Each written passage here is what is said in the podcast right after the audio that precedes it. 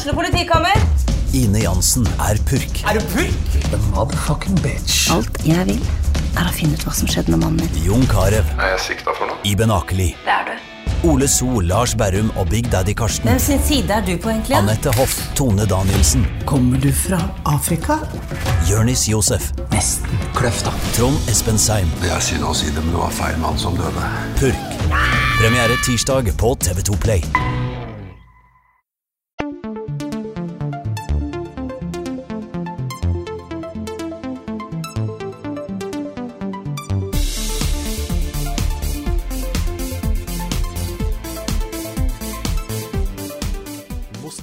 Nostalgibølger skyller brutalt over meg mens jeg sitter her, Rune. Det er ikke så rart. Nei, Nei. det er ikke det. Altså, nå sitter vi på Danvik folkehøgskole, Mm. og her, eh, her gikk jeg for eh, ni år siden. Det er ni år siden, ass. Mm. Jeg begynner å bli, eh, begynner å bli gammel. Så her du mistet, mistet jomfrudommen. da? Jeg var nesten. ja. Det var, det var ikke her, det var litt etterpå. Så da vet alle det. Velkommen alle sammen til en splitter ny episode av Level Backup. Med meg, Karl Martin Oksnes, og med Rune Fjell Olsen. Ikke med Lars denne gangen. Nei, Han sitter hjemme og lager Watchdogs 2-anmeldelse. Det gjør han. Og så har du noen skolegreier i tillegg. har du ikke det? Stemmer. Så eh, vi er, vi er stormlens i dag. Vi er stormlens. Vi er stormlens. ikke Ja. noe Lars. Men uh, vi skal prøve å veie opp. Vi får vel kanskje litt gjester etterpå. Hvis, uh... Ja, vi må satse på, på det, fordi vi, vi er nå på et, en konferanse. Uh, spillfagdagen til Viken Filmsenter. stemmer. Så det er flere norske spillselskaper som er her. Um, og vi skal holde et lite innlegg i starten. Snakke litt om oss selv, litt om spilljournalistikk, litt om norske spill uh, osv. Så, videre. så Så det er jo utrolig kult at det faktisk foregår på Danvik. Det er jo det. Dette er liksom Jeg har jo vært her siden jeg gikk her, men det begynner å bli sånn fem-seks år siden det også, liksom. Mm. Men uh, er det ett skoleår som jeg husker sånn veldig uh, Veldig mye og veldig sånn nært, da, så er det jo det her. Har ikke det året på Danvik forma litt uh, liksom karrierevalget ditt og sånt Jo, jo. også? Ikke bare det, men liksom venner jeg har. Mm. Uh, alt mulig. Det er liksom Det er her jeg møtte flere av de uh, kanskje liksom viktigste personene i livet mitt. Mm. Så ikke alle, men mange av de. Dette er ditt Så- Arcadia High. Dette er mitt, ja, dette er mitt Arcadia, og dette er min origin story, Mm. på en måte. Ja. Så det er rart å være tilbake. Du snakka om at du bodde i en kjeller her også. Ja, nå er vi, nå er vi i etasjen over der hvor jeg bodde. Ok? Snakka jeg om det i forrige podkast, med det med rom 504? Ja, jeg tror det. Ja, for det, det fins jo ikke. Jeg er spent på om det fins nå, Mm. eller om det fortsatt bare er en mystisk murvegg. Vi får eh, gli over i sånn serial-podkast med liksom jakten på eh, rom 50, eh, 504, var det det? 505? Ja, 504. 504? Jeg, tror, jeg mener det var 504. Det er mulig jeg driter meg ut nå, men jeg tror det var det. Og eh, vi tenkte alltid på, prata alltid om at vi liksom skulle lage en spøkelseshistorie. da. Mm. Lage en skrekkfilm om rom 504. Ja. Det fikk vi aldri gjort. Det var en av de mange hundre ideene vi hadde som ikke vi fikk realisert. Sånn er det å gå på skole. Det er det. Mm. Men det er noe med liksom å jobbe på et sånt, eller gå på et sånt kreativt miljø, da. Hvor uh, du hele tida liksom får ideer og inspirasjon til ting. Det er så, sånn, det er så digg. Mm. Det er litt sånn det er å jobbe i level up også, da. Det er jo det. Ja. det, er jo det. Sånn uh, når vi samles eller bare sitter på Discord og diskuterer ting. Det er jo liksom Det er gøy. Jazze med gutta og jenta. Jazze med jenta, gutta. Ja. Og jenta. Hooke på. Hukke Hooke på Ja, riktig. Mm. Mm. Nei, det er jo spennende. Det er også det første foredraget vi holder eh, sammen. Det er det. Ja, jeg har holdt noen eh, tidligere alene, men eh, det blir eh, spennende å se hvordan det går. Det gjør det. Det er jo liksom eh, Jeg har lagd slides, Carl. Du har laga slides. Mm. Er det i Powerpoints? Nei, det er i, eh, i, eh, i den slide-greiene til Google. Ja, ok. Mm. Google Point. Ja, er det det det heter? Jeg vet Nei, jeg vet ikke. Jeg, Nei, bare, jeg. Men, jeg tror det eh, heter Google Slides. Google. Slides. Ja. Rett på sak. Mm. Ja, nei, det jo spennende. Det er, liksom en, det er et foredrag om oss mye. Ja. Og om uh, norske spillmiljøet, kanskje. Mm. Og litt hvordan spilljournalistrollen spilljournalistrollen har endra seg de siste årene.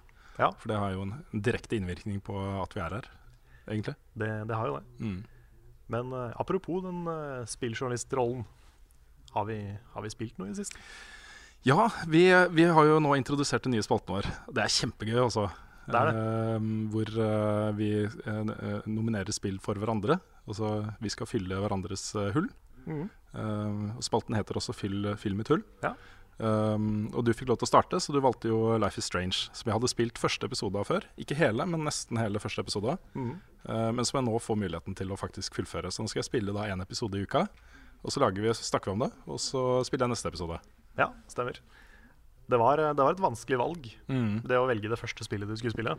Um, jeg endte opp på Life is Strange fordi uh, det er så fint delt opp i episoder. Og så er det så mye man kan prate om der.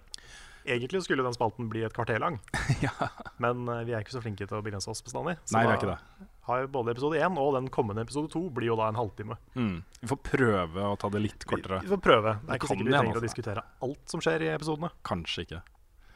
Men Det- uh, Nei, vi, vi får se. Men det, jeg syns det er et bra valg du gjorde. Det er lett å snakke om det. Det er mye å, mye å si. Det er det. Mye å ta tak i. Mm. Eh, så gleder jeg meg til det blir min tur. Jeg har ikke helt bestemt meg for hvilket spill det skal bli ennå. Nei, jeg eh, er spent. Jeg har jo mine, mine mistanker. Men jeg vet ikke. nei det er, jeg vet heller ikke helt. Stay tuned. Mm, kanskje det blir liksom uh, Gran Turismo? Ja. Nei, ja, men jeg kan sikkert prate en halvtime om Gran Turismo. jeg. Nei, det tror jeg ikke. Da blir det korte episoder. Ja, det gjør kanskje det? Ja. Nei, og så klarte jeg den Hornål-svingen der, da. Ganske bra. Ja, og så så jeg at eh, gresset var liksom litt sånn der, eh, kanskje litt mer sånn brunaktig på den ene, Mm. ene banen der. Ja. Så Hallo! Ja, nå er, nå er du, du er gjest i podkasten Gjest i podkasten vår. Hva, het, hva heter du? Um, Isak Hagen. Du går her på Danvik. Ja, jeg gjør det. Det er litt sjuk, så må beklage det. Nei, Det går sikkert bra. Du skal kanskje inn etterpå og høre på også. Mm. Ja, kult. Nei, men eh, det var hyggelig å hilse på deg. Vi, vi, står nå, eller vi sitter nå i gangen eh, inn til foredragsrommet. Mm. Håper ikke vi forstyrrer veldig mange mennesker. For det, Nei, jeg vet ikke om vi forstyrrer, men uh, dette er ekte. vet du. Dette er, ja, dette er, dette er ekte. Dette er sånn som når vi sto ved Warcraft-premieren og folk kom forbi. Ja, det er sant det. Så Jon Cato, eksempel. Ja. Skjena forbi. Og kom innom. nettopp. Mm. Slice of life, er det ikke det det heter? Ja. Nei, men Det blir spennende. Jeg har, eh, jeg har liksom, det, er, det er mange ting som jeg mener du bør, virkelig bør ha spilt, men jeg tror ikke jeg starter med Metal Gear. Eh, Nei, ok. Så det blir nok noe annet. Men uh, vi får se. Jeg tror Ja. kanskje jeg velger noe jeg har lyst til å spille igjen. For jeg har Ja, lyst til okay. å spille det samtidig som du spiller det. Ja, ja. Jeg føler jo sjøl kanskje at Metal Gear er kanskje min største. Mm, ja, det, som jeg, tror, som jeg tror jeg. burde ha spilt og ikke har spilt. Ja, jeg tror det. Jeg føler jeg liksom har Jeg har vært gjennom mye, men jeg, har, mangler fortsatt det. da Mm. Nei, det tror jeg du hadde likt også. Det er Ja, jeg liksom også tror det. terskel å komme over. Men. Mm. Så liker jeg jo litt sånn derre Altså historier som er liksom Som er bra, men samtidig ikke tar seg sjøl for mye på alvor. Mm. Og det er jo definisjonen på Metal Gear, føler jeg. da Ja. Jeg har jo fått med meg såpass. At det er liksom mye, mye tull, samtidig som det er mye bra. Ja, det og er, det, eh, det liker jeg. ja det, er, det er det som er perfekt med det spillet, syns jeg. Den Mm. Så man kan sitte og gråte litt, og så kan man eh, neste scene så sitter man og ler som man griner. Ja. Så Det er en spillserie som heter Shadow Hearts, som er litt samme greia. Mm. Hvor den liksom til tider er kjempemørk og veldig sånn alvorlig og ganske bra. Men i neste øyeblikk så, så er det bare what the fuck, liksom. ja. Hva er det som skjer? ja, det er nice. Det er kjempegøy. Eh, ellers så driver jeg og pløyer fortsatt gjennom uh, Dishonored 2. Eh, og det er så deilig, fordi nå har jo, Det har ikke vært noen hemmelighet, jeg har snakka om det tidligere. Jeg har slitt litt med å komme inn i det og bli flink i det. For man må liksom bli flink i det før det blir ordentlig gøy. da Men nå er jeg over den terskelen. Nå, nå er det ordentlig gøy. Jeg får det til. Og jeg tror det som, eh, det som uh, var utløsende for det, var rett og slett at OK, jeg, er allerede, jeg har allerede drept noen få mennesker og blitt oppdaga et par ganger. Vi bare peiser på. Og så tar jeg første gjennomspilling. Da skal jeg lage Mayhem. Så nå, nå dreper jeg alle. Mhm. La likene ligge. Lar de bli oppdaga. og så sniker jeg jo litt innimellom, da. For å få liksom taktiske over, overtak og sånne ting. Ja, Men uh, hvis jeg blir oppdaga, så er det bare fram med crossbow og granater og Og det er, det er ordentlig gøy. Jeg har faktisk ikke spilt i Dishonored 1 heller på den måten. Nei, ok. Så dette er min første, første gjennomspilling hvor jeg, hvor jeg fokuserer på de aggressive eh, angrepskreftene til Emily. Mhm. Og eh, jeg koser meg ordentlig. ja, kult. Jeg gleder meg sånn at du skal se Westworld. ja. Det er, sånn, det er det jeg begynner å tenke på når du beskriver uh, gameplayet ditt her. Mm. Det skal ikke gå mer inn på det enn det, men det, er, uh, det blir gøy. ja, morsomt. Eh, Det er jo den serien som står øverst på lista nå. Ja. Så Første sesong er snart ferdig, så Mm. nå er uh, riktig tidspunkt. absolutt. Um, har du spilt noe? Jeg har spilt veldig mye av én ting, Mm, og det er jo Pokémon Sun. nettopp. Jeg uh, har jo jobba for å få det spillet tidlig i en stund nå. Fikk til slutt uh, ordna sånn at jeg fikk kjøpt det via Australia. Uh, så jeg har spilt det da siden den 18. Mm. Og uh, kom endelig til rulleteksten i natt. OK. Så da ble jeg ferdig. Ja, så kult. Um, jeg følte liksom at jeg måtte komme dit da før jeg gjorde helt ferdig anmeldelsen. Mm. Fordi eh, det er jo mye sånn post game content, eller sånne ting du kan gjøre etter spillet er ferdig. Mm. i de spillene. Og hvor bra det er, har jo ofte litt å si for hvor bra spillet er. Mm. Så eh, jeg ville komme dit, da. Så nå har jeg endelig kommet dit.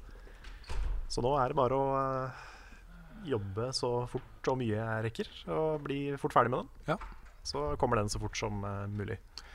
Men det er jo Jeg koser meg jo så sykt med Pokémon. Mm. Det er jo alltid kos, liksom. Ja. Uansett hvilket spill som kommer, så er det Det er litt sånn som at Jeg bare forbinder det med liksom hygge. Mm. Og så liker jeg hvor annerledes det er. Ja.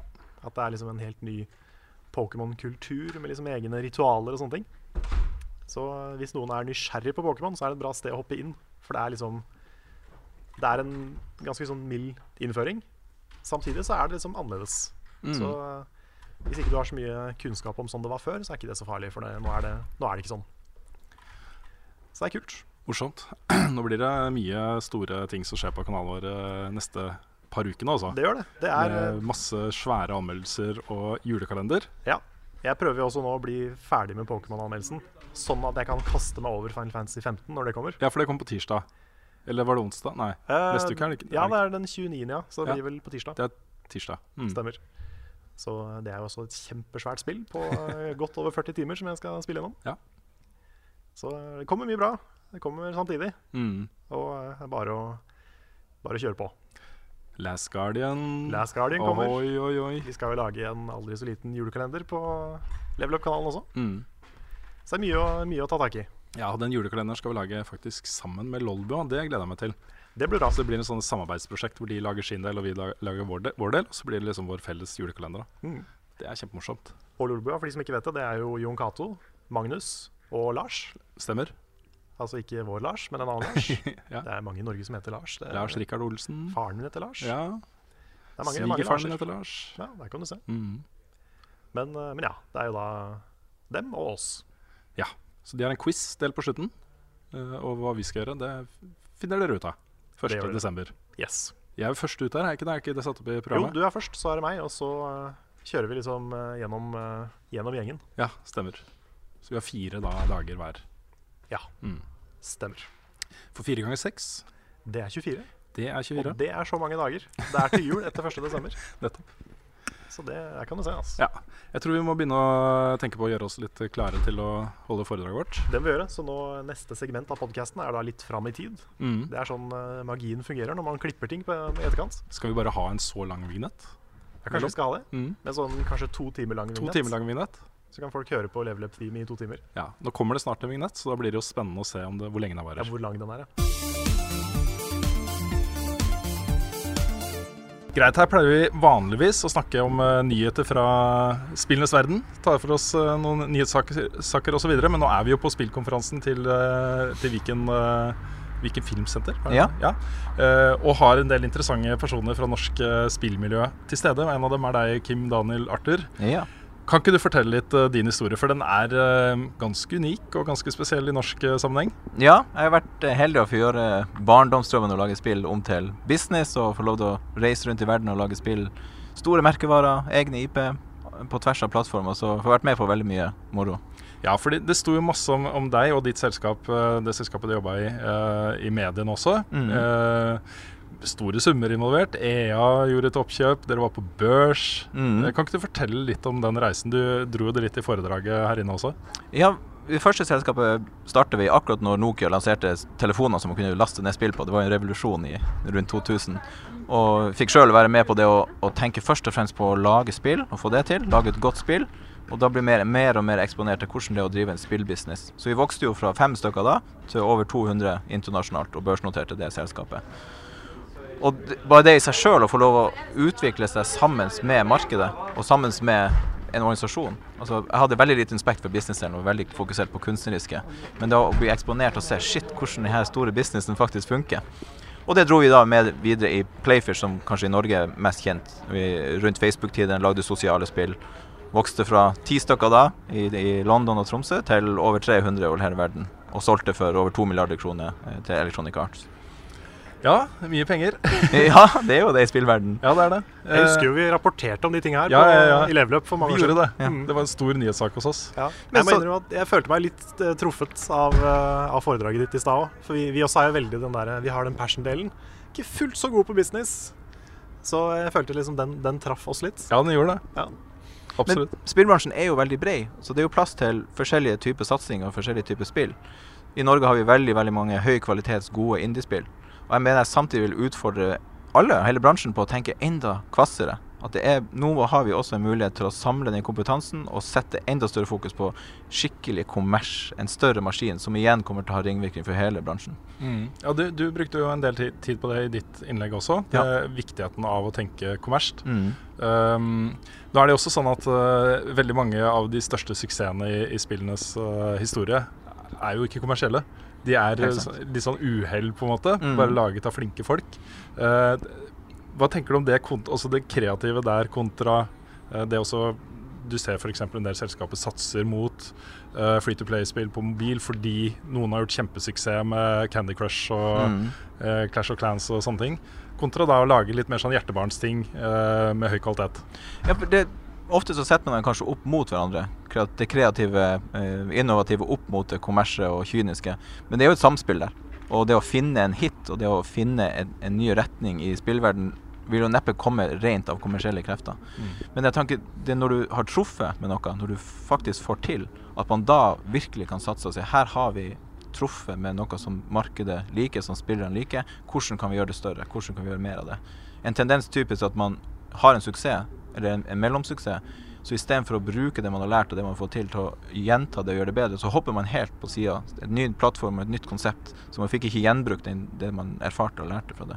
Så, Mm. ja, det er, sånn, det er artig en spillverden, og EU, det er jo det som er magisk. Det er utrolig komplisert å lage et godt spill. Det er enda vanskeligere å lage et kommersielt godt spill. Og det må være et samspill mellom begge. Og det tror jeg kommer fra det at man har en respekt, at man kreative hjerner kan respektere business-sida, og business-sida kan respektere den kreative delen. Nå er det sånn at I Norge så har vi Du nevnte jo eh, masse bra spill. Mm. Gode indiespill. Um, vi er jo fortsatt litt sånn vakre vaker i overflaten til noe som kan bli noe, på en måte. Ja. Eh, hva mener du er viktigst nå for eh, alle disse norske selskapene eh, for deres videre satsing? Så på lik linje så måtte man tenke på at det her skal gjøre til en god produksjon, det her er et spill som jeg skal være stolt av, så må man ha inn det markedsfokuset helt fra starten. Og kunne tenke seg å gå ut til investorer, gjøre seg klar, løfte kompetansen på det hente privatkapital, sånn at man kan virkelig nå ut og få flest mulig spillere. Sånn at hvis man skulle si noe, så vil jeg at flest mulig kan jobbe sammen for å en, få mer privatkapital inn i selskapene for å kunne gjøre mer markedsføring og nå ut internasjonalt med det man gjør. Hva tenker du når du hører Dpad si at eh, ok, hvis vi tjener masse penger på Alboy, så skal vi kanskje bare ansette en to-tre personer, og så skal vi bare lage våre små hjertebarn fortsatt? S, eh, spillbransjen er brei, og det må være rom for å, å også gjøre et sånn livsstilsprosjekt. Sant? Se på de guttene som har putta inn hele livet sitt i det. Det er jo deilig. Man blir jo rørt sjøl av det. Men på samme tid så kan ikke det bare være det vi gjør. Vi må ha begge deler. Altså, det, man må gjøre et valg. Hvis du gjør den type livsstil, så gjør du det, og da går du for det. Men da kan du ikke bli lei deg eller trist hvis du ikke traff og tjente penger. Mm. Eh, nå har du også eh, fått litt sånn nestorrolle i norsk spillindustri. Du eh, vurderer søknader til, eh, til støtte, både for NFI og for eh, Viken. Tidligere for NFI, ja. Tidligere for Ja, NFI. ja. Um, hva er det som gjør at du engasjerer deg på den måten? Uh, nå har du jo Du kunne jo ha kanskje uh, pensjonert deg og levd lykkelig resten av dine dager, men du er fortsatt involvert i bransjen. Altså, man har jo en kjærlighet til bransjen og til det å se Sånn som jeg tenker mest på sjøl nå, det å se andre få til og få til den drømmen og kunne lage de tingene.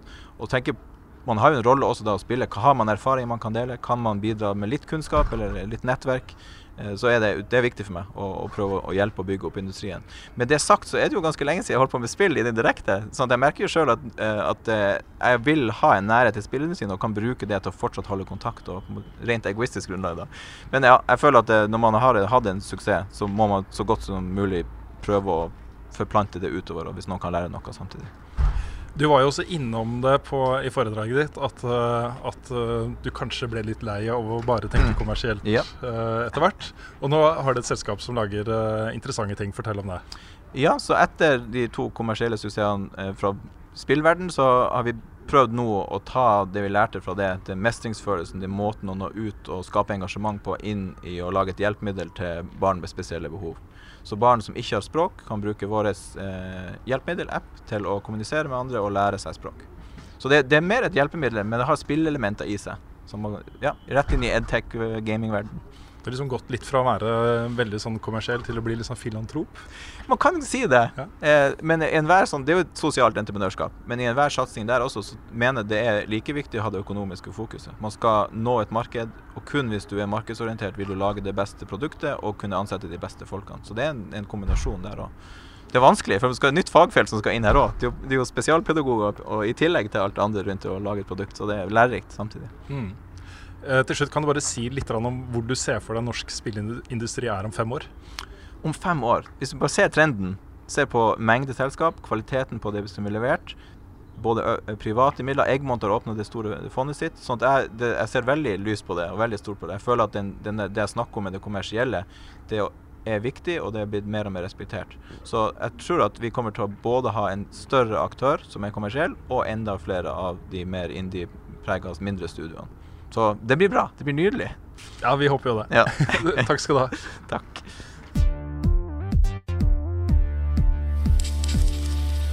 Nå sitter vi faktisk eh, på, i underetasjen, der vi bodde før. Ikke på rommet mitt, men på et sånt eh, lite konferanserom. Mm, ja, vi, vi satt jo egentlig i kantina her oppe. Ja, vi gjorde det. Og så kom det en uh, veldig hyggelig fyr bort og sa at uh, nå kommer det snart 100 mennesker inn og skal spise her. Ja, da kanskje vi både er forstyrrende og blir forstyrra. Mm. Så det er greit å ikke sitte der. Så nå sitter vi helt alene i kjelleren i et konferanserom. Det gjør vi. Og her har jeg mye minner. Jeg får litt sånn klump i halsen av å være på Danvik. Ja, det skjønner jeg godt, ass. Det er jo liksom en historie i hvert eneste hjørne her. Mm. Sånn som her vi sitter nå. Her lå vi i soveposer en natt og sov fordi en av eh, venninnene mine feira bursdag her.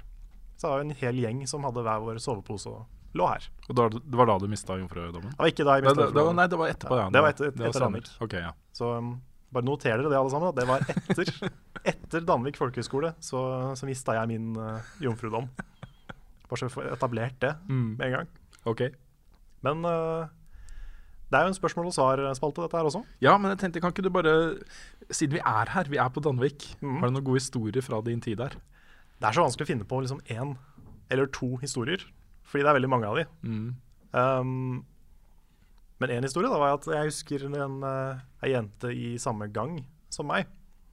Uh, hun ble busta av rektor mens hun hadde sex med typen sin, uh, istedenfor å være på morgensamling på skolen.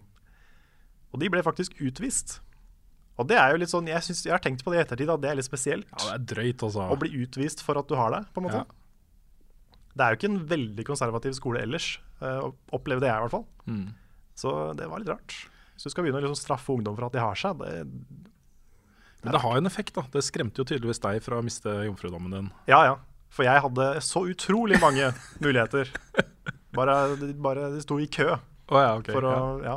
Mm, du måtte si nei. Jeg måtte si nei, vet du. Ville ikke gang. bli utvist. Nei. Nei.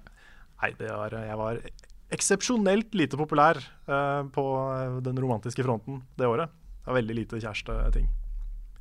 Så det var ikke så mye der, altså. Mm. Men etterpå Da, da ble det andre boller. Men vi uh, En annen historie da som ikke har med samleie å gjøre. Det var en gang som jeg um, Jeg hørte en sånn veldig høy, borrende alarmlyd på rommet mitt. Og eh, jeg tenkte shit, nå brenner det på skolen. Så jeg tok jo med meg liksom DS-en min og liksom ting som jeg var litt glad i, og stelte meg ute på plassen her ute. Og skjønte ikke hvorfor ikke det var noen andre der. Um, og så liksom, ja, men brannalarmen jeg hører for så vidt ikke brannalarmen her ute, det er litt rart. og så går jeg inn igjen, og så oppdager jeg at å ja, det er ikke noe alarm, det er barbermaskinen min som har skrudd seg på og står og vibrerer på vasken. så jeg sto liksom ute og så veldig dum ut i noen øyeblikk, da.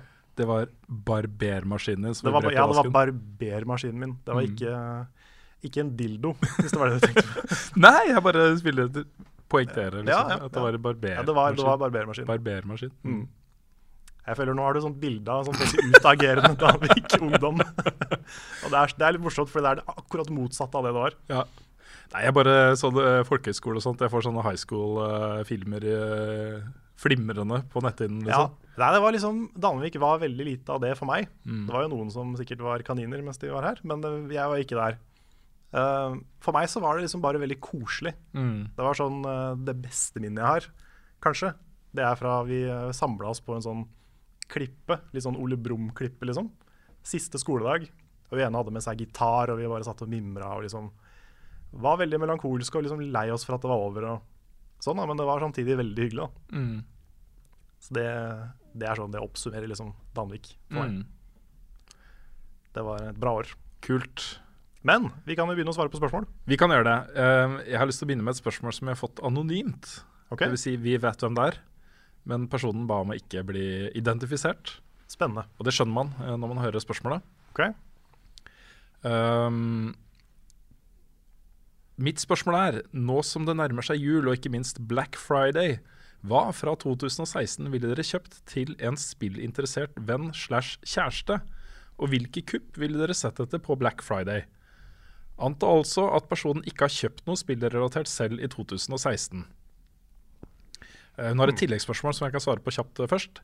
Eh, Et ekstra spørsmål til meg. Du liker jo ananas på pizza, men har du prøvd det til taco? Og det har jeg faktisk. Ananas på taco, ja. Ja, det var eh, ikke så verst. Ok. Litt sånn større terskel å komme over eh, for meg, men, eh, men eh, veldig godt. Ja, jeg tror for meg så hadde taco vært lettere enn pizza. Mm. Men det er fordi jeg er ikke sånn veldig religiøs på hva som skal på tacoen. Jeg tror liksom den første pizzaen jeg spiste, hjemmelagde pizzaen, hadde ananas på seg. Det er derfor jeg liker ananas på pizza. Aha. Jeg tror det er derfor, liksom. Så, men, Så du ble herda helt fra starten. Mm. Men uh, hvis du går på sånne kvalitets fastfood-kjeder i USA, så bruker du mye ananas. Eh, også sånne ting som mango og sånt, på hamburgere, i taco. Det er faktisk ganske godt også når du får den der litt søte fruktsmaken blanda med Ja, jeg ser den. det er, eh, Ja, jeg liker det, altså. Hmm. Bra tips. Men Black Friday, um, Ja, det er noe For et sinnssykt opplegg det har blitt i år, eh, Karl. det har det. Det var jo liksom ikke en ting i Norge, det. Nei, selv i fjor I fjor syns jeg det var ganske ille. Uh, men da var det jo bare fredag. Nå har det jo vært Black Friday hele uka, med Ja, ja. svære sånne annonsebilag i Aftenposten og dag, dagstilbud og timestilbud allerede fra forrige fredag, liksom. Black November. Ja, det, det blir det neste neste, måned, eh, neste år, i 2017. Mm. Hele måneden. Ja, ja. Det er helt ekstremt. ja for, det, for det er jo en sånn gammel Jeg vet ikke om den er gammel, men det er i hvert fall en amerikansk sånn shoppedag. Ja. Uh, vet du hvor det kommer fra, eller hva som er historien bak? Nei, jeg husker ikke helt. Men, eh, men det er jo en eh, Jeg tror det er, noe, eh, det er en sånn fridag i USA. Denne fredagen er en fridag hvert år i USA. Ja, ok. Um, Men butikkene er åpne? butikkene er åpne. Hmm. De er åpne hele tiden. Hele uka. Ja, de er kanskje det. Men, eh, men jeg vet ikke helt hvordan det starta. Men det er jo helt åpenbart eh, hvorfor det kom. Og det er jo at eh, når eh, man skaper en litt sånn der frenetisk uh, shoppebegjær hos folk, og det genererer utrolig mye penger. Vi har sett noen tall liksom, på hvor mye penger som var i omløp i fjor bare i Norge, og det er helt absurde summer det er snakk om. Mm. Og så vil jeg ta et av et, uh, husker jeg ikke hvem som sa det, men jeg så noen snakke om Black Friday. Et uh, sitat som jeg leste et eller annet sted nå på sosiale medier i løpet av det siste døgnet. Eh, og sitatet er at det er mye billigere å kjøpe et planlagt produkt uh, til fullpris enn å handle masse ting på impuls på tilbud. Mm. For da kjøper man som regel ting man ikke trenger, kanskje. Så, Ja, ja, ja. det er klart det. Så eh, tenk på det, folkens. Ikke gå helt uh, amok. Det er jo litt uh, argumentet mot å dra til Sverige òg. Mm. Sånn som du bruker jo så sykt mye penger på godis og cola som du kanskje ikke hadde kjøpt ellers. Så det er ikke nødvendigvis så billig å dra på harretur. Nei da. Men du får jo et brett med cola til hva er det? Tre kroner boksen eller noe sånt? Ja, det er jo, altså, det er jo billig. Ja. Det er det jo. Men du kjøper jo også mye mer Du gjør det. enn du ville kjøpt ellers. Ja. Men ikke, altså, nå er jeg veldig tilhenger av harretur, så jeg skal ikke begynne å Nei da. eh, Nei, jeg er tilhenger av gode tilbud også, for så vidt. Ja. Uh, og når det er sagt, da, så, så er det jo Black Friday er jo en kjempegod mulighet til å skaffe seg ting man virkelig har lyst på. Og som eh, jeg ser at uh, f.eks. Uh, Eh, Call of Duty Legacy Edition uh, har jo blitt satt ned i pris mange steder. Mm. Den var jo svindyr. 700 kroner eller 789 eller hvor mye det kosta. Stemmer. Får den for 500 nå, liksom. Ja, Så nå kan du kjøpe to COD-spill til på en måte prisen igjen? ja, på en måte. Mhm. Eh, og det vil du se. Masse masse spilltilbud. Og spørsmålet hennes er da, hvis du ikke har kjøpt noe spill i 2016, uh, hva ville du kjøpt? Mm. Ja, for du sa venn eller kjæreste, ikke sant? Ja. Det er jo litt forskjell ofte på hvor mye penger du legger i venn og kjæreste. Mm. Men venn så er det veldig mange bra spill å velge mellom. Massevis. Hvis du har en kjæreste som du bruker mye penger på, så er det jo f.eks. 3DS eller 2DS med Pokémon Sun and Moon. Det er jo det store nå. Ja, absolutt. Og så vil jeg også legge til uh, PS4 Pro. Ja, det er enda dyrere igjen. Ja, det er dyrere, men uh, hvis, du inn, hvis du skal legge inn litt penger Mm. Jeg tror ikke det er en uvanlig pris for uh, kjærester. Jeg vet ikke, jeg har aldri kjøpt så dyre gaver. Eh, ikke. jeg tror Kristina hadde kanskje til og med blitt litt sinna på meg hvis jeg gjorde det. Ja, kanskje det. Men vi, vi ligger Jeg vet ikke hva vi ligger på i pris, men eh, vi, vi kjøper liksom et spill og noe mer, Mm. ofte. Ligger liksom rundt der. Jeg har kjøpt uh, så dyre gaver til kona. Du har det? Ja da. Hmm. Har det. Ikke spillkonsoller, men andre, Nei. andre ting. Kanskje det er annerledes når man blir gift. Jeg vet ikke. Kanskje. Jeg vet ikke. Men uh, jeg vet i hvert fall at uh, hvis du ikke har handla noe i 2016 i det hele tatt øh, 3DS med Pokémon Sun eller Moon, og kanskje andre Det fins jo masse andre bra spill til 3DS også. Ja da, det gjør det. Eh, PS4 Pro. PS4 Pro er jeg blitt veldig glad i, altså. Ja, nå har jo både du og Lars skaffa det. Ja. Jeg har henta TV-en på kontoret. Mm. Den fikk jeg hjelp av pappa til å frakte hjem. Så bra. Så nå har jeg også en, eh, en eh, UHD-TV, er det ikke det heter? Jo. Så nå kan jeg også kjøpe en PS4 Pro. Mm. Jeg tror jeg kommer til å gjøre det. Ja. Uh, in time for Final Fantasy 15, tenker jeg. Mm. Så får jeg spilt det på Pro. I 60 frames i sekundet. I 60 frames, men det har litt å si, ass. Ja, det har det. Eh, at det er 4K, det driter jeg i, men at det er 60 frames, Mm. det har mye å si. Ja. Men ellers er det også utrolig mye bra spill som har kommet ut uh, i år. Uh, nå vet vi jo ingenting om hva slags plattform det er snakk om dette her. Men du kan jo begynne med Norge. Uh, Alboy. Ja. Der er det faktisk mulig jeg husker ikke, er det Indiegogo? Eller Indigo eller et eller annet sånt? En sånn tjeneste på nett som selger boksversjoner av uh, Alboy. ja, det husker jeg ikke i farta hva det er, men det er mulig det er det. Ja, Hvis du søker på Alboy uh, box version eller noe sånt, så vil du helt sikkert finne det. Mm. Um, det er jo en fin gave. Veldig. Um, jeg vet ikke hvor man skal begynne. Dishonored 2. Ja, The Witness, The Witness, ja. Inside, Mhm. hvis du vil ha noe spill som ikke koster liksom full pris for uh, A-spill. Mm. Dark Souls 3. Dark Souls 3, selvfølgelig. Det er mye, mye bra som har kommet i år. Det, det er det. Eller et eh, online-spill som eh, Battlefield 1, f.eks. Mm. Uh, Overwatch. Jeg vet ikke om du har hørt om det der Destiny Rise of Iron. Men eh, du kan jo kjøpe Destiny Complete Edition hvis du Mm. ikke har lyst til å se kjæresten din så ofte. Ja, uh, Destiny The Collection tror jeg den heter. Den Ja. som har inneholder alt. Det kan stemme. Ja. Jeg er jo fryktelig glad i Destiny, og det er jo eh, Det er jo sånn spill som bare Hvis du først blir fanga av det, så lever det Om ikke evig, så i hvert fall lenge. Mm. Sant det. Det er, eh, det er vanskelig å liksom sitte sånn og bare oppsummere bra spill, Ja. fordi man glemmer alltid masse. Ja da, altså Det skal vi også gjøre utover uh, i desember. Lage Det- litt topplister og, og sånne ting. Det skal vi. Men uh, ja. Det er liksom en Black, Black Friday blir jo da en mulighet til å uh, istedenfor å kjøpe ett spill til full pris, kan du kanskje få tre, tre kanonspill ikke sant? Ja. til samme prisen. Bjørn og jeg er veldig glad i å gi gaver på Steam, Ja. og det er så fort gjort. Det Mm. er sånn der, ja, Du slipper å liksom pakke inn og sende noe. Du kan bare skrive en hyggelig melding, og så sende den til Bjørn. Mm. Det er, eh, funker bra, det. Kanskje litt upersonlig for en kjæreste, jeg vet ikke. Kanskje bitte litt. Bitt litt. Ja det, ja, det er derfor jeg snakka om boksversjonen av Alboy også. Ja, men ja, det er et godt poeng. Så, Det blir liksom fort litt finere når du får det i en sånn kul eske og mm. alt mulig. Det er sant. Skal vi ta litt uh, flere spørsmål her? Det kan vi gjøre. Uh,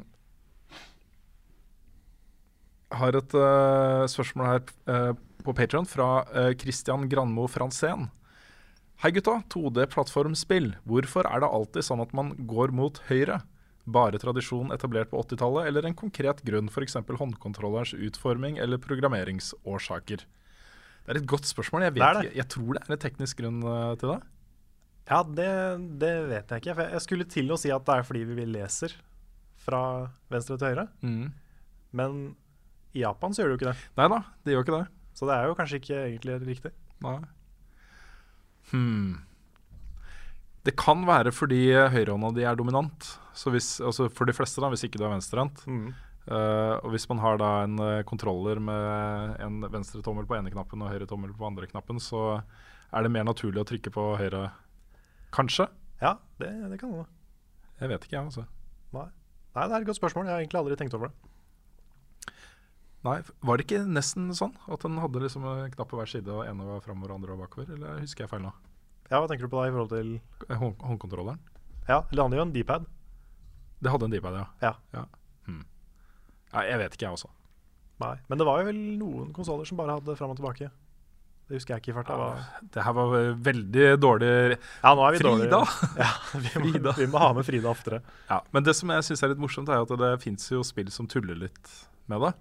Jeg husker Limbo, eksempel, så får du en achievement hvis du går til venstre først Ja. istedenfor til høyre. Sant? Det er mange spill som har det. Ja. Sånn liten bonus på venstre. Mm. Og jeg må også legge til at uh, uansett da, hvilket spill jeg spiller, hvis det er i 2D, så går jeg alltid til venstre først. Mm. Bare for å gjøre det, liksom. Yep. Det er bare en sånn greie man gjør. Mm. Og så kom det jo uh, uh, også i tidlig fase, så begynte man jo å legge opp gameplay sånn at du skulle gå begge veier. Metroid og Castlevania. Mm. Der var jo faktisk uh, Sonic ganske sånn sentral. Mm. At der er sånn, Å ja, du kan ha sånne ekstra plattformdeler hvis du går tilbake. Ja, nettopp. Det var en ganske ny ting. Åh, det er en helt fantastisk en i Braid uh, mot slutten der.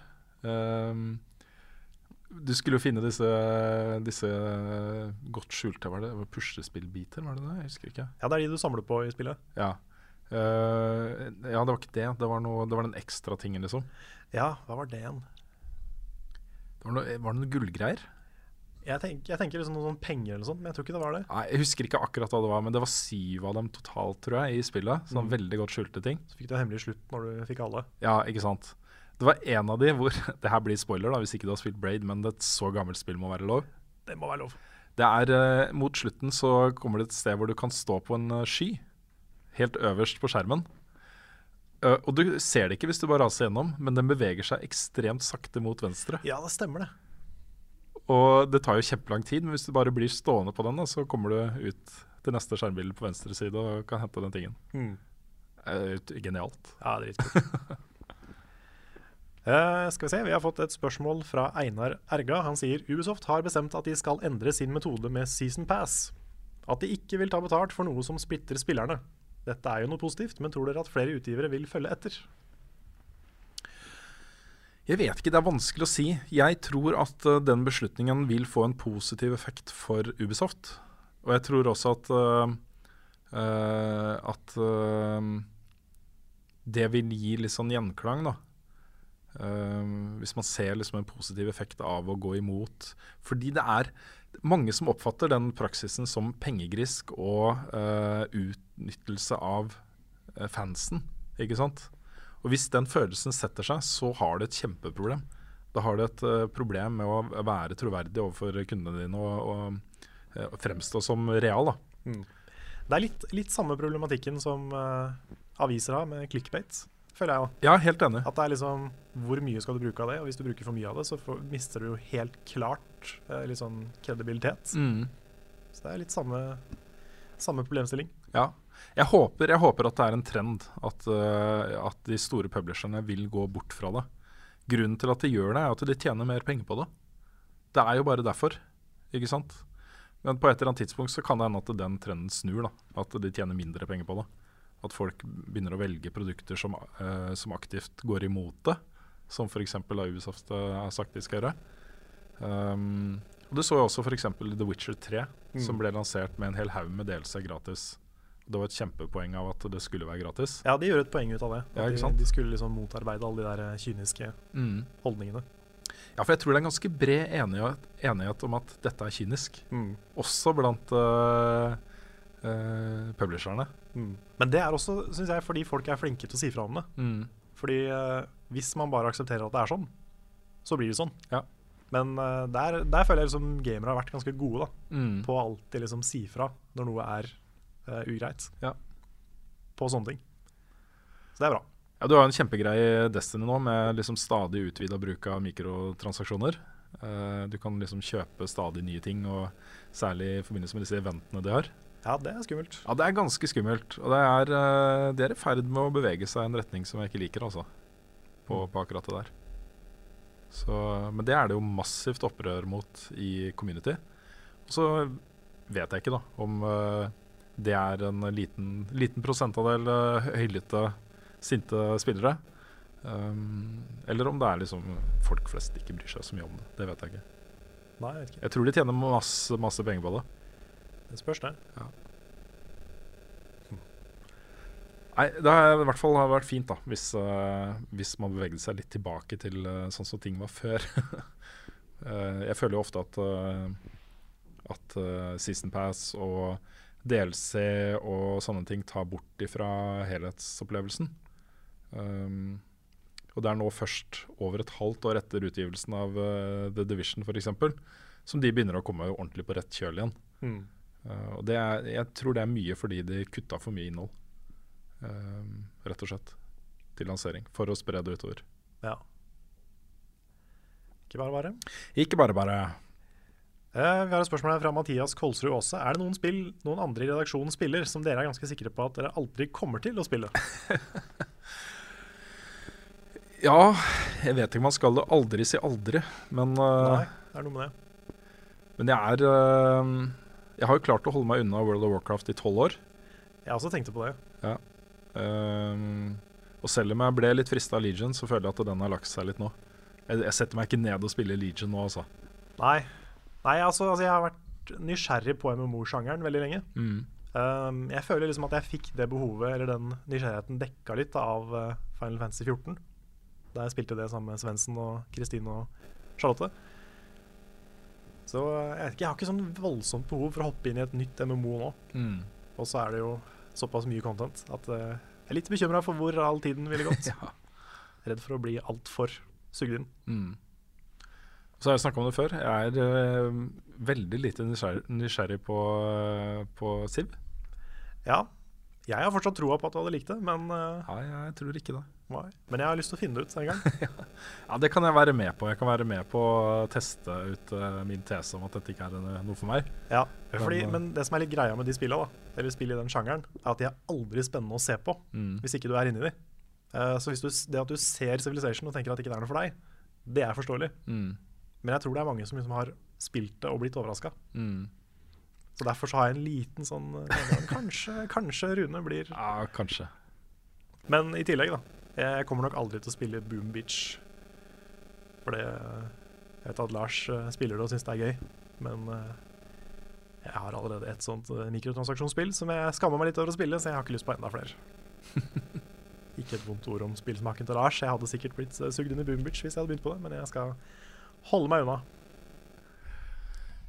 Yes, Uh, Spørsmål fra uh, Stine på Patreon her. Uh, kommer det en Watchdogs 2-anmeldelse? Hilsen håpefull. Og det gjør det. Det gjør det. Vi nevnte det i starten også.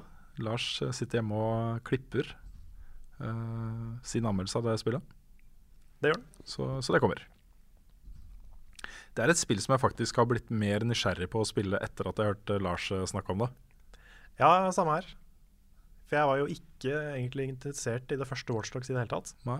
Men uh, etter å ha hørt liksom hvor annerledes og hvor uh, annen attitude da Mm. Watch- Watchdogs 2 har, så er det interesting. Det er fare for at det blir mitt julespill i år, altså.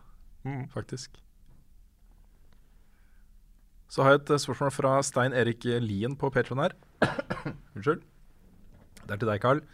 I Nuzlocke-serien din Nuzlocke-serien, Nuzlocke. ja, Mm. nevner du at du tradisjonelt sett har valgt vann-Pokémon som din starter, men nå i forkant av Sun og Moon-utgivelsen har du viet en del oppmerksomhet til den av de nye starterne som er en gresstype. Spørsmålet er enkelt og greit. Roll, Rowlet, Litten eller pop, Popio? Popilo? Poplio. Poplo? Rowlet. Rowlet. Rowlet all the way. Ja. Jeg har, vet du, jeg har sju Rowlet på, i Pokémon Sun nå. Ja. Ja, liksom, den ble voksen, og den ble veldig kul da òg. Men den er så fin når den er sånn liten sånn ugleball. Så jeg har bare hatcha en haug med babyer. Så nå har jeg de. Mm. Og jeg syns det er de fineste Pokémonene i verden. Ja. Men uh, det er ikke helt riktig at jeg alltid har valgt vannpokémon. Jeg sa det i Nuzlocke, men jeg, det, er ikke, det er ikke 100 riktig. For jeg valgte alltid Bulbasaur i det første spillet, Mm. som også er gress. Uh, og så kom liksom Totodile, Mudkip, Piplup, som også er veldig fin Uh... Sitter du og finner på navnet her nå? Nei, nei, det er helt sant. Piplup er en veldig søt liten pingvin-pokémon. Okay. Um, og Oshwat. Så det var liksom en sånn serie med vannpokémon. da. Men så kom jo Fenniken Fennekin i X og Y, som var veldig fin. Så valgte jeg den, som er Fire. Og så nå er jeg tilbake på, på gress. Så jeg har vært litt rundt. Jeg er ikke Mm. sånn supertrofast mot vann. Ok. Men uh, Rowlet er uh, Rowlet er Game of the Year 2016. Du la ut en helt uh, fantastisk nydelig liten eh, teaser-trailer for anmeldelsen din på Facebook. Ja, den er ikke lagt ut ennå. Ikke lagt ut ennå? Den kommer samtidig med anmeldelsen. Ah, ok, greit. Da skal jeg ikke si noe mer om den. Så det, men Rune har sett den. Men den er foreløpig hidden. Jeg har et eh, spørsmål her fra Jon Magnus Restad. Eh, hva er deres største styrke eh, og svakhet som anmeldere? Oi. Den må jeg tenke litt på. Ja, jeg ehm, Jeg skulle gjerne vært mer analytisk. Ok. Det er Jeg har på en måte innsett litt mine egne begrensninger uh, der. Det, det hender jo at jeg er det, og at jeg uh, klarer å liksom analysere spillene på en litt annen måte enn bare fare over dem, på en måte. Uh, men jeg skulle, gjerne, jeg skulle gjerne vært Sett liksom det, det, Jeg har så re- respekt for de som klarer å liksom gå inn i dybden av spill og trekke fram ting som ingen har tenkt på, og, og se på det fra forskjellige vinkler og sånne ting. Mm. Jeg, har så respekt for det. Ja, Men det er enig. vanskelig. Det er det. Det er, hvert fall, det er vanskelig å gjøre det jevnlig også. Ja, ikke sant? Det er sånn, En ting er hvis du spiller et spill og bare treffer et eller annet der, Mm. som tenker at shit, dette er det jeg snakker om. Men det er liksom ikke hver gang det skjer. Nei. Og ellers så har jeg et eh, generelt uh, problem. Og det er litt interessant fordi uh, dattera mi har vært på sånn kreativt verksted nå i hele høst. Uh, som da endte opp i en vernissasje, en, en uh, kunstvisning for foreldre og søsken eh, nå på tirsdag. Okay. Uh, og da uh, Utrolig kult opplegg. Fem-seksåringer som har blitt lagd kunst inspirert av Picasso, Munch og til og med av musikk. da med Pink Floyd og sånne ting. Så har de laget, var, Jeg ble så stolt. Mm. Uh, helt fantastisk. Uh, men da snakka jeg litt med de eh, eh, instruktørene, eller hva man skal kalle det, de lærerne, barne, eh, de som hadde kurset etterpå. Og de fortalte at, at dattera mi da eh, kunne være litt litt uh, i starten av nye prosjekter. At det å på en måte uh, komme i gang med et nytt prosjekt kunne være litt vanskelig for henne. Kanskje hun ikke helt uh, hadde selvtilliten til å eh, det, det vet ikke jeg akkurat hva det er. da Okay. Men jeg kjente meg sånn igjen i det. Eh, det å sette seg ned med et nytt spill, eh, lære seg mekanikkene i det. Oi!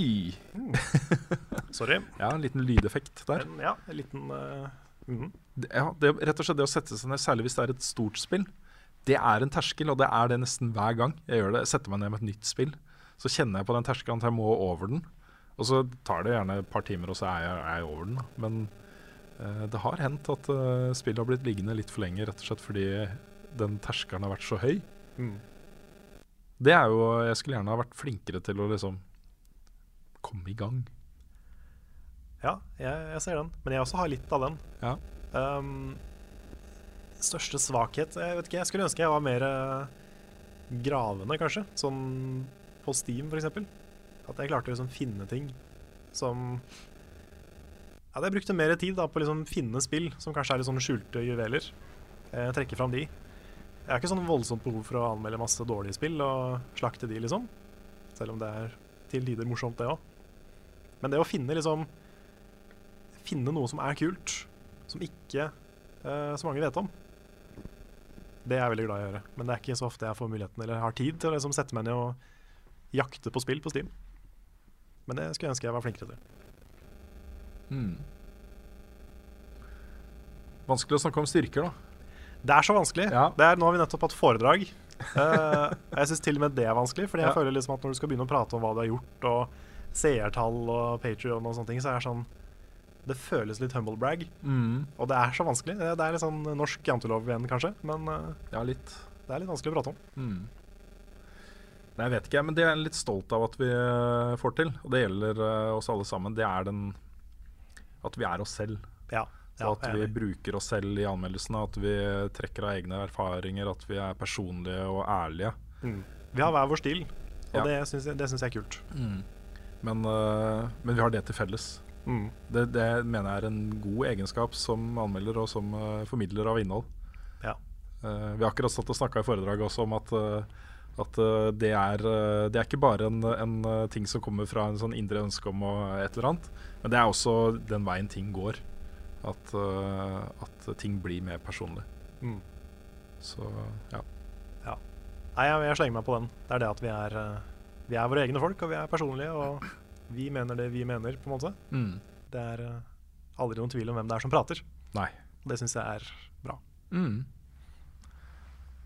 Har du noen eh, spørsmål hos deg, Karl? Uh, ja, vi har et spørsmål fra Bjørn Magne Bakke. Favorittspillserie laget av EA? Ja, de har jo lagd veldig mange bra spillserier. Det har de. Um, Ja, hva kan det være? Er det lov å si Rolo to the rescue, eller er det litt for obskurt? Du kan si det. Jeg kan si det. Nei, jeg må si Mass Effect.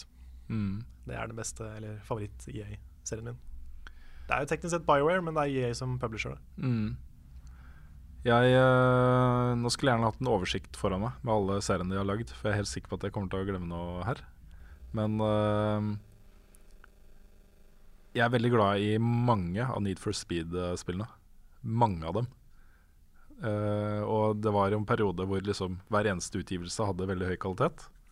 Um, men den har jo vært veldig varierende også. Uh, ikke alltid vært like bra. Og ikke like en engasjert i den nå lenger. Men i en ganske lang periode så var det et høydepunkt når det kom nye Need for Speed-spill. Mm. Så ja, flere av mine favorittbilspill er derfra. Ja, eh, apropos, si apropos, bil, eh, så har Lars Grøtnes han har to spørsmål. Det første er under i eller over fartsgrensa. Ja. I hvert fall for den ene av oss som har lappen. Ja da. Jeg, eh, jeg ehm, er, veld jeg er veldig opptatt av å holde fartsgrensene. Jeg, jeg blir nesten litt sånn panisk hvis jeg kjører langs en vei og jeg ikke er helt sikker på hva fartsgrensa er. Um, som regel så er det da 80 her i Norge. Hvis ikke det står noe skilt, så er det 80, og det ikke er midt i eh, byen, liksom. Mm. Ehm, men det, det stresser meg. Og, eh, ja. Men når det er sagt, da, så, så er det jo sånn at de aller fleste biler de er jo stilt litt for lavt. Ca. 10% Så eh, jeg må innrømme at når det er 80-grense, så ligger jeg ofte liksom og kjører i 88 på speedometeret. Mm. Men da er det 88, liksom. Ja.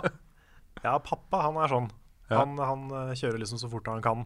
Men jeg tror han har blitt stoppa en gang òg. Så det kan hende han har kjørt litt fort. Nei, jeg, jeg har aldri fått fartsbot. Aldri. Og jeg kjørte gjennom mye fartskontroller og, og sånne fotobokser og sånne ting. Men det er hovedgrunnen til at jeg ikke vil uh, kjøre fortere, er ikke fordi jeg er redd for boten, men det er jo fordi når man kjører for fort, så kan det lettere skje ulykker. Mm. Og noe av det farligste du kan gjøre her i verden, er å kjøre bil. Det er sant. Så, eh, så det tenker jeg var ganske bevisst på hver gang jeg kjører bil, at det jeg gjør nå er egentlig ganske farlig. Ikke bare fordi jeg kan gjøre en feil, men fordi noen andre kan gjøre en feil som jeg må reagere på. ikke sant? Mm. Så, um, så det, er, uh, det er egentlig grunnen. Uh, og så trenger man ikke å kjøre fortere. Jeg har aldri helt forstått folk som kjører liksom i 120 i 80-grensa. Det kommer ikke fram så mye raskere, liksom. Nei, det er sant, det. Ja. I tillegg så er det jo relativt uansvarlig å gjøre det. Ja, for uh, det kan gå utover andre. Mm. Ikke sant? Og det Ja. Eh, Men han hadde et spørsmål til. Når PS4 er regionsfri, hvorfor er det da forskjellige spill på PlayStation Store USA versus Norge? Det vet ikke jeg heller, men uh... Nei, jeg har ikke peiling. Uh, det må jo bare handle om, uh, om markedsføring og jeg vet ikke, målgruppeanalyser, og jeg har ikke peiling. jeg vet ikke. Har det noe med at liksom det fortsatt skippes fysiske spill? Kan være derfor. At de liksom utsetter alt pga. det? Ja, det kan være derfor. Mm. For vi har jo ikke så mye Apropos det der med regionsfri, så er jo Pokémon, da. Grunnen til at jeg kjøpte det i Australia, det er jo at det også bruker pall, som er den europeiske varianten. Mm. Men likevel så måtte jo resten av Europa vente til Ja, 2030. ja. Det er rart. Ja, det er kjemperart. Jeg vet ikke hvorfor det er sånn. Det er vel kanskje for å få mest ut av liksom én lanseringsdag, jeg vet ikke. Mm. At uh, vi rekker ikke å få Pokémon i butikken i Europa før den 23., så da venter vi med alt. Det kan være noe sånt. Har ikke peiling. Don't know. uh, ja, er et spørsmål her fra Olav Myklebust. Uh, ser at det går an å forhåndsbestille Nintendo Switch, selv om det ikke har kommet ut med pris. Hva, te hva tenker dere om dette? Er det vits å kjøpe det nå, når dere skal ha det uansett? Tror dere at det blir like vanskelig å få tak i som Nintendo Wii? Uh, det er vanskelig å svare kategorisk på det. Det er det. Men eh, all erfaring tilsier jo at eh, når Nintendo lanserer nye produkter, så enten fordi de ikke klarer å produsere mange nok, men sannsynligvis fordi det er en ganske god eh, markedsstrategi å produsere mindre enn etterspørselen. Mm. Sånn at folk står litt i kø, og at det blir litt sånn der, folk i kø, nattåpent. Alle vil, ha, alle vil ha nye Nintendo Switch. Ikke sant? Jeg mistenker at det er litt sånn, da. Det kan nok hende. Ja. At det er litt sånn uh, kunstig eh, lavt antall for å skape mye demand. Jeg hadde ikke overraska meg i det hele tatt, hvis, hvis det faktisk er bevisst. Mm. Og så kommer de etter da med de megapartiene sine etterpå, liksom. Ja, ja. Når, uh, når eh, nyhetens interesse er litt over. Mm. Så, så jeg vet ikke. Hvis du er supergira på å skaffe deg en til lansering, så skal du få lov til meg å forhåndskjøpe. Hvis du har tenkt å kjøpe den uansett. Selv om forhåndskjøp Ja, jeg, jeg er enig i det for så vidt. Fordi grunnen til at vi er så imot forhåndskjøp, det er jo mest det der i forhold til at uh, du vet ikke om et spill er bra før det har kommet ut. Uh, I hvert fall ikke hvis de ikke har sendt ut anmeldelser eh, og sånn på forhånd. Og i hvert fall ikke hvis du får sånne preorder-bonuser. Men hvis det er fordi du vil ha noe til lansering, og du kanskje ikke får det ellers, så skjønner jeg det. mm. Jeg gjør jo det. Ja, du fortalte en historie tidligere om, uh, om hvordan du fikk tak i en, fikk tak i en Wii. Jeg gjorde det. Det, det er mulig jeg har fortalt den i podkasten før, det husker jeg ikke. Nei? Men uh, det var jo mens jeg gikk her på Danvik, og det var juleferie. Uh, We var 100% utsolgt i hele landet. Men pappa var i Danmark, og rett før han skulle gå på flyet, så var han innom en siste butikk uh, på vegne av meg og spurte om liksom, har dere We. Og så sier han fyren i kassa at du vet du hva, det kom inn én nå. Kan du ikke si det på dansk, for det gjorde du i stad? Vet du hva? De kom inn i Jeg, klarer ikke det. Det kommer til å offende noen hvis de har danske familie... Eh, ja, nei, men det, det var sånn ultimate flaksøyeblikket, da. Så da fikk uh, pappa kjøpt den, så la ut for meg. Kom hjem med den, og så, hadde jeg, så var jeg den eneste på Danvik som hadde Wii. Det var stas. Kuleste gutten på skolen. Eller noe. Og likevel fikk du det ikke, da. Likevel, altså. Ikke noe sex. Sånn er det. Eh, Øystein Reinertsen spør uh, Dersom dere kunne byttet liv med en av de andre i podkasten for en uke, hvem skulle det ha vært, og hvorfor? Det er ingen tvil om at det hadde bytta med deg, Carl. Du hadde det? Ja ja, sove så lenge du vil og Det er jo en fordel. Ja. Jeg skal innrømme det. Mm. Jeg ville ikke bytta med Lars, for han eh, driver jo og trener masse. Ja, han er så sunn. Ja, så sunn. Det høres så slitsomt ut. Mm. Ja. Hmm. Nei, jeg vet ikke om jeg liksom hadde Kanskje Nick? Mm. Bare være liksom, liksom Være Nick. Være Nick en uke. kul. Ja, Ja, kanskje det vært kult. kanskje. Tror kanskje det. Jeg tror Hvis jeg hadde vært Frida, så hadde liksom, det hadde vært mye på skolen jeg ikke hadde skjønt. Og det er så, hun studerer jo så mye sånne så tunge ting. så hadde jeg bare gått på skolen og bare Ja, dette får jeg ikke med meg. Dette kan jeg ikke. Frida er litt for, litt for into det der. Ja. Så jeg tror det hadde blitt Nick. Hmm. Kan det godt hende altså, Nick også studerer ting som jeg ikke skjønner bæret av. Men uh, det blir nok Nick. Mm. Jeg syns det er så kult at han, eh, han vil bli uh, filmregissør. Det er det Ja, ja, han det er lage konge. film. Det Det er kjempekult. Kan jo for all del bli det. Mm. Han er jo dritflink på video. Har du noen flere spørsmål eh, på Det gikk litt tomt hos meg. Det var mye vi hadde svart på før der. Ja, det begynner å gå litt uh, tomt uh, her også. Det kan vi snart vurdere å runde av. Ja, kan ta et uh, siste, siste spørsmål her. Det er fra Preben Heggeland. Eh, har dere troa på The Walking Dead sesong tre? Eh, altså serien til Telltale, har spilt både sesong 1 og 2, men er usikker på kvaliteten på sesong 3 etter å ha spilt sesong 2. Har dere noen tanker om dette?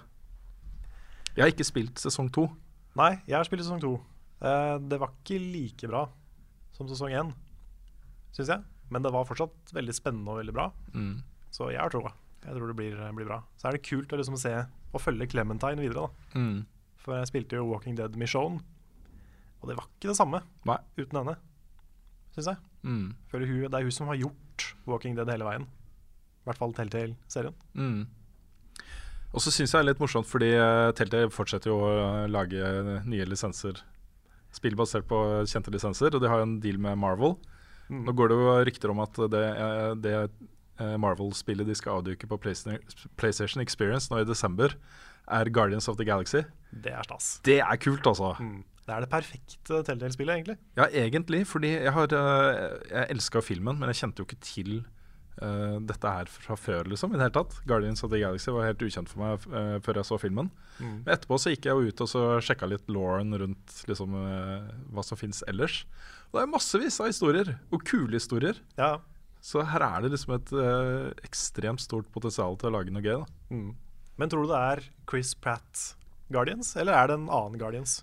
Jeg håper at de lager en annen Guardians. Okay. Rett og slett fordi, eh, fordi de kan.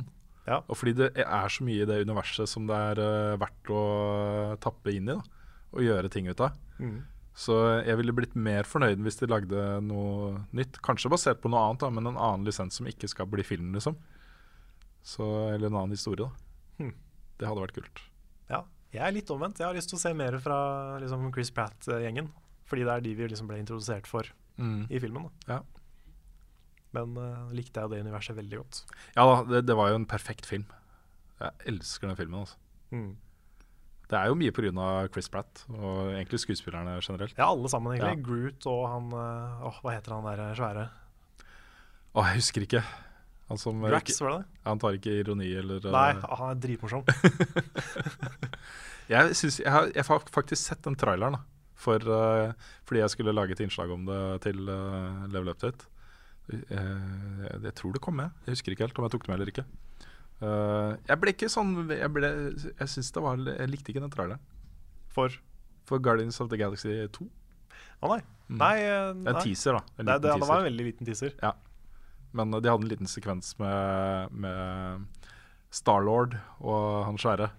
Ja, stemmer. Som føltes bare som Ja, vi gjør dette her en gang til, på en måte. Mm. Så jeg vet ikke. Nei. Tidlig å si. Tidlig å si. Det er en film jeg skal se, i hvert fall. Mm. Det er bare å komme inn, ikke noe problem. Det går bra. uh, ja, vi kan jo uh, runde av. Det kan vi gjøre. Da er det bare å takke alle som har eh, sett, ikke sett på, men hørt på oss gjennom denne podkasten på tur. Det er greit å lage litt sånne reisepodcaster noen ganger. Ja da, jeg syns det er koselig. Neste Så- uke så er vel Lars tilbake. Det håper vi. Og så eh, blir det kanskje en litt mer tradisjonell podkast. Kanskje neste uke starter også julekalenderen vår. 1. desember. Det gjør den. Ja. Den må vi lage ferdig, for den Det- begynner jeg å kjenne, kjenne presset. ja, ikke sant? Men, eh, men ja, takk for at dere har hørt på, og hjertelig tusen takk til dere som er med og backer oss på Patreon Vi er, eh, som alltid, evig takknemlige til dere. Og så avslutter vi med ukas spillsitat. Whatever.